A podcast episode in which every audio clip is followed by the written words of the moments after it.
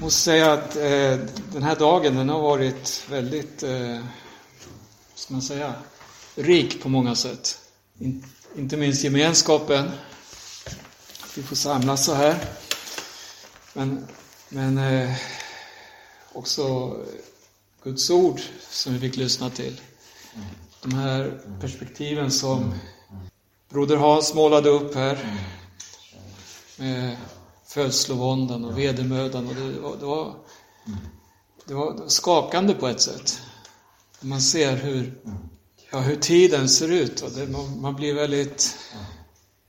Ja, dels ser man hur liten man själv är. Kanske ens egna sammanhang, det är väldigt litet. Men samtidigt så ser man att den Gud vi tjänar, det är han som har all makt. Han har all kontroll. Jag tänker på det här med alla röster och alla, vad ska man säga, budskap som vill, som vill fånga upp oss på olika sätt. Inom eh, klimatet exempelvis. Det vill ta vårt engagemang, det vill ta våra resurser, miljön, politiken och, och inte minst de här krigen som råder. Man ska ta ställning och, och Bibeln säger den som tar till vapen ska förgås med vapen. Det, det, det, är, det är Bibelns klara budskap. Men, men allt det här vill, vill på olika sätt ta så mycket energi ifrån oss. Så att vi tappar bort det som är det absolut viktigaste. Vi har ju fått eh, en befallning. Tänk, tänk dig att du, du står i tjänst för en ambassad eller en... Du har en hög position inom ett rike.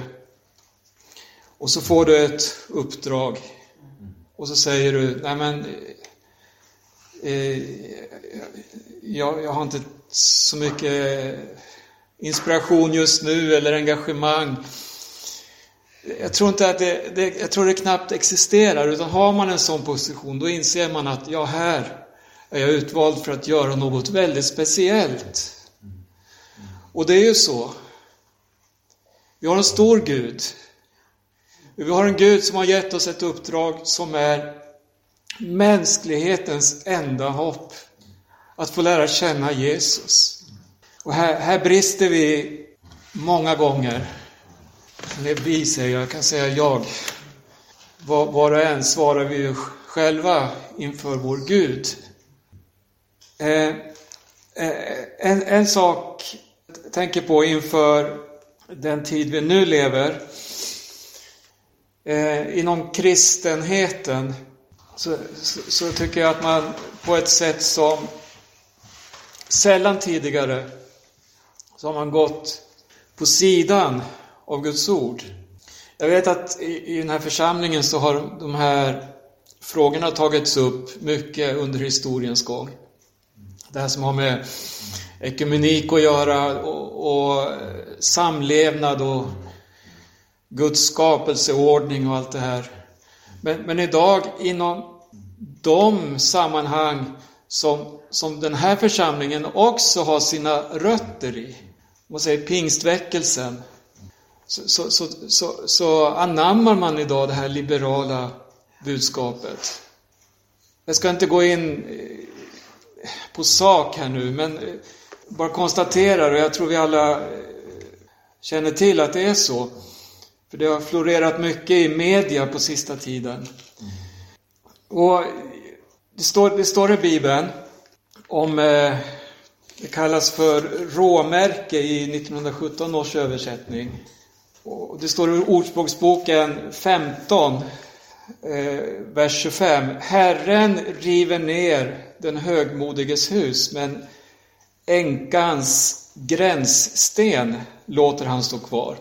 Här står det gränssten. I råmärke känns mer som ett begrepp som man känner igen just det här ett råmärke som är uppsatt.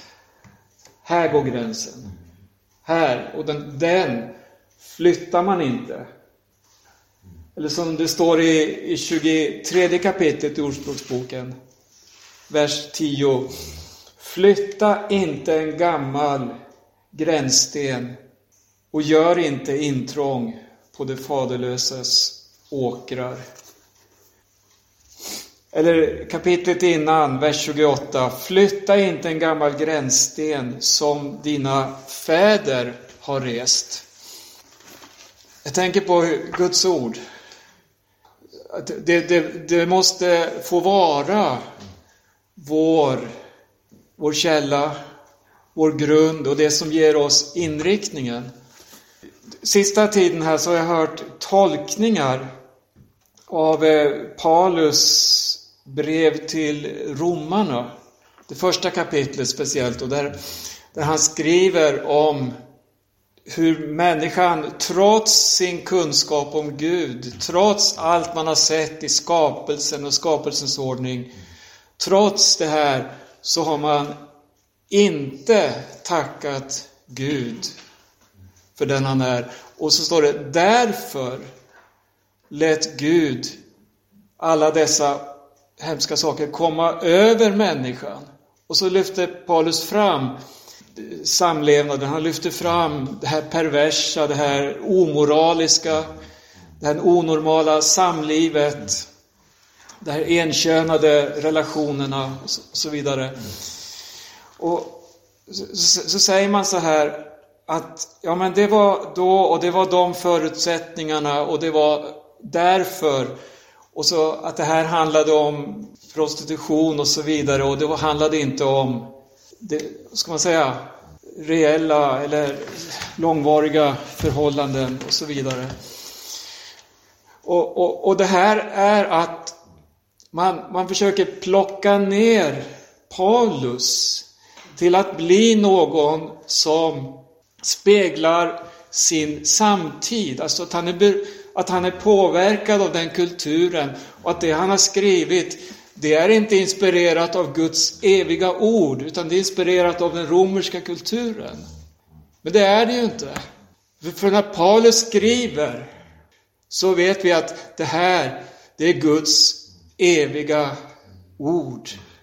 Det är ett ord som inte är baserat på en viss kultur eller en en viss tid, utan det, det är nedtecknat, upptaget i det, den kanon som vi har här.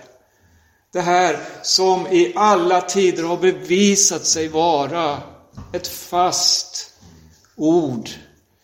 Det som har stått emot så många stormar och så många försök att försöka radera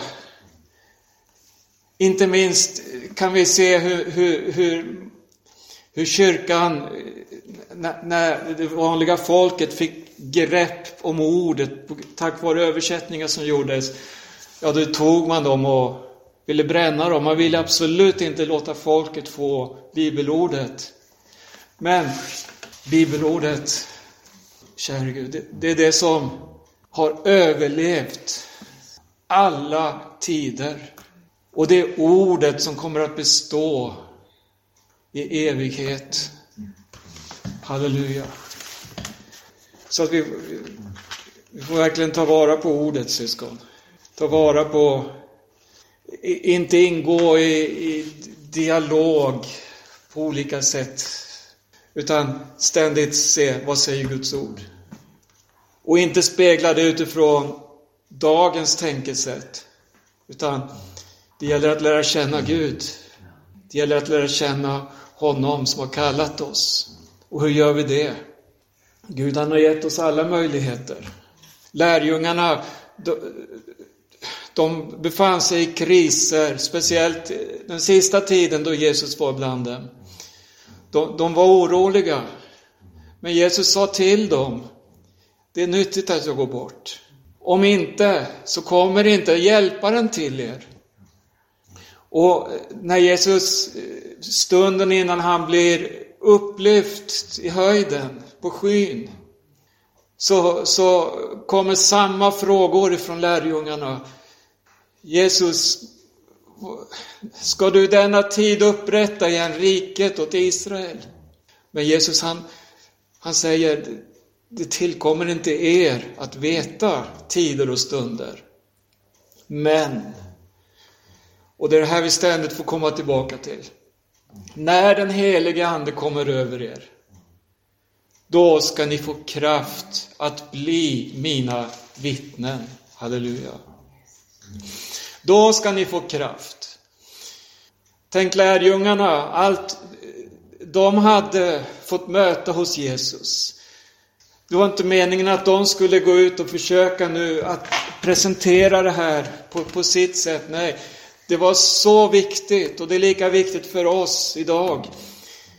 För att hamna rätt, för att få bärkraft. Det var viktigt att bli fylld av den helige Ande. När den helige Ande kommer över er ska ni få kraft att bli mina vittnen. Det var A, det var O, det var det viktigaste i deras liv då och det är det viktigaste för oss idag. Lärjungarna lyssnade och man stannade i Jerusalem. Man bad till Gud, Herre, uppfyll dina löften. Bönesvaret kom och då fanns det inte någon kraft. Det fanns inte någon rörelse eller någon kultur. Det fanns ingenting som längre kunde hindra evangelium att nå ut till människorna. Det ser, det ser mörkt ut i vårt land idag. Jag tänker på den miljö som, som den unga generationen växer upp i. Den människosynen man möter, inte minst från politikerna. Kära Gud, det som sprider sig, det här, här hopplösheten som man ser också inom barn och ungdom och inom skolvärlden och man känner med gode Gud i himlen.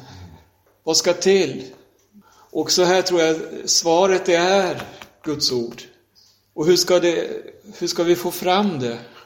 Vi behöver överbevisning, vi behöver ståndaktighet, vi behöver den helige Ande. Kära Jesus. Så har vi löftet ifrån Jesus. Jag är med er alla dagar, in till tidens ände. Jag är med er. Jesus han gav missionsbefallningen. Gå ut i hela världen.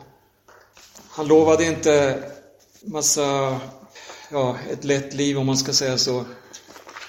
Utan det var, som vi har hört här också, det var mycket smärta, lidande, förföljelse och så vidare. Men det som överlever detta, det är ju evangelium, som är fött av Gud. Jag vill, jag vill säga en sak till här i Apostlagärningarna 2. Jag kan inte låta bli att tänka på det här som, som blir allt mer acceptabelt inom, inom, inom inom delar av kristenheten, det är det här att man bör helst inte förkunna ett evangelium som ger den som lyssnar skuldkänslor.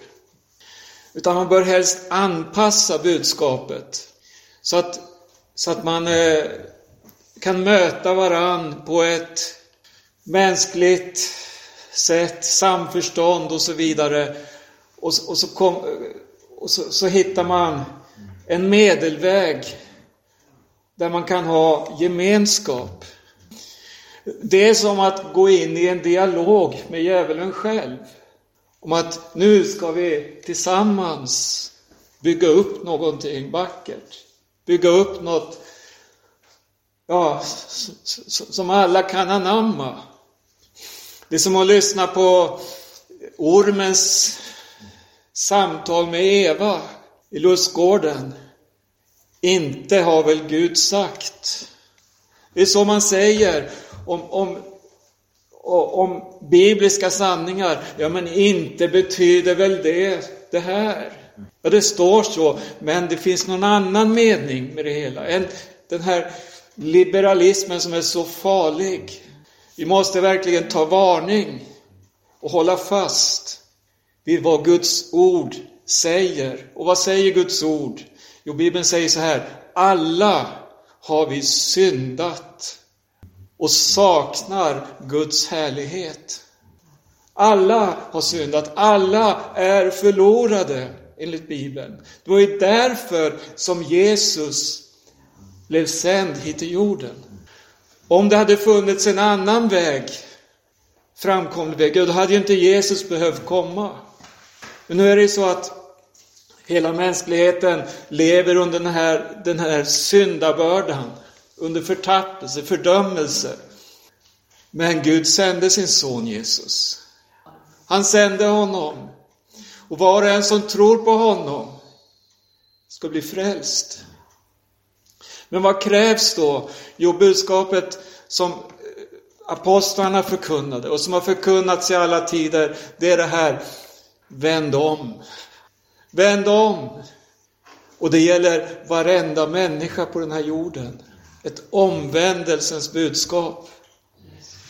Till vad då? Jo, till syndernas förlåtelse. Till att bli fri från synden.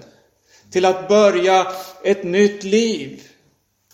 Och då tänker, tänker vi kanske, ja men det är bra för de som har misslyckats, de som lever i droger, de som lever i misär och på annat sätt lider. Nej, Bibeln säger det här gäller alla människor. De som Petrus predikade för på pingstdagen. Vilka var det? Det står att det var fromma judiska män från alla handa olika nationer som hade kommit samlat samlats i Jerusalem. Det var inga rövare, inga busar, nej det var präktiga människor som eh, verkligen stoltserade med sina liv. Och det var inte lätt att hitta några fel hos dem. Nej, det var, det var jättefina människor som var respekterade. Fromma judiska män fanns där i Jerusalem när anden föll över apostlarna och församlingen. Fromma judiska män. Och så började Petrus predika för dessa. Och vad händer?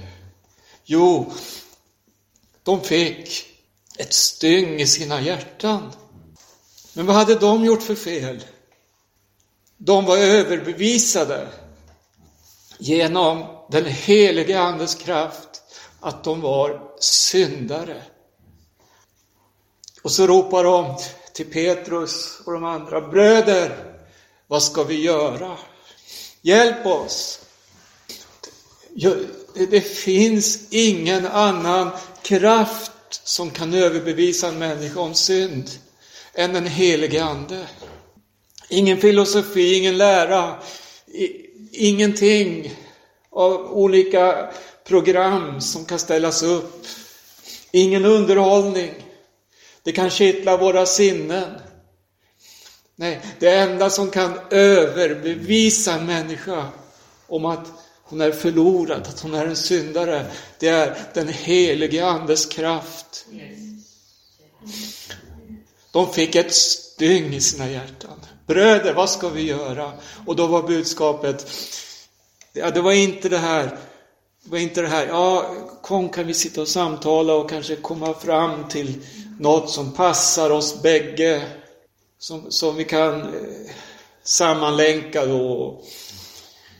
Välkomna alla olika på, alla på sina villkor. Nej, Petrus han sa, omvänd er.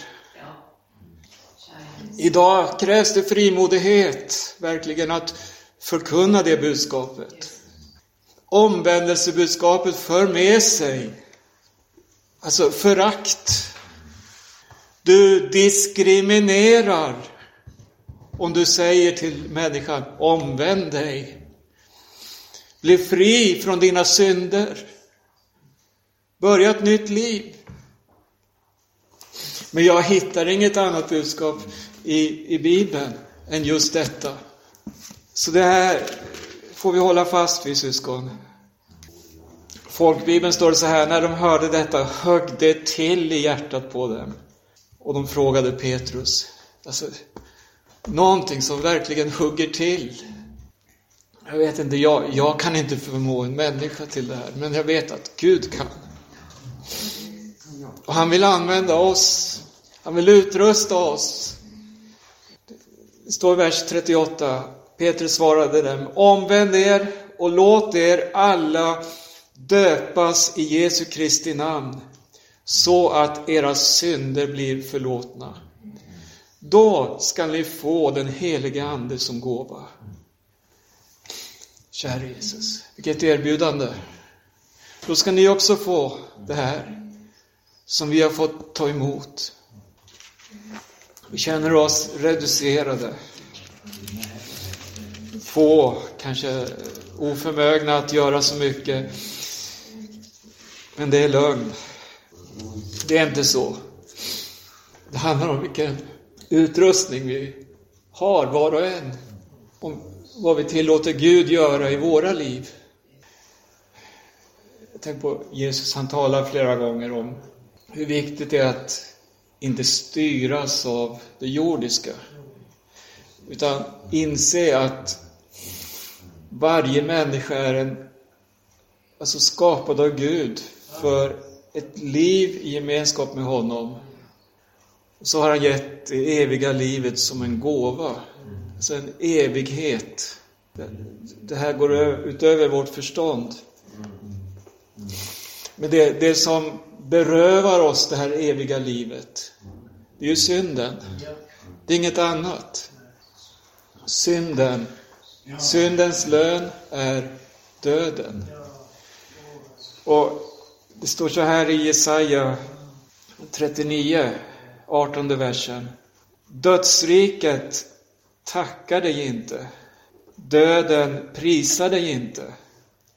Det som far ner i graven hoppas inte på din trofasthet. Alltså i döden tänker ingen på dig, skriver en saltaren. Att få människor att inse att det handlar om liv eller död. Gud vill frälsa, Gud älskar.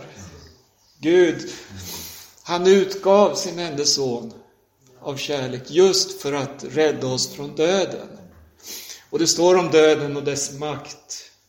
Den sista fienden ska besegras. Och det är döden. En människa som kommer till dödsriket. Det står här, hon tackar inte Gud. Vilken tragedi. Men vi har nyckeln och vi har kraften.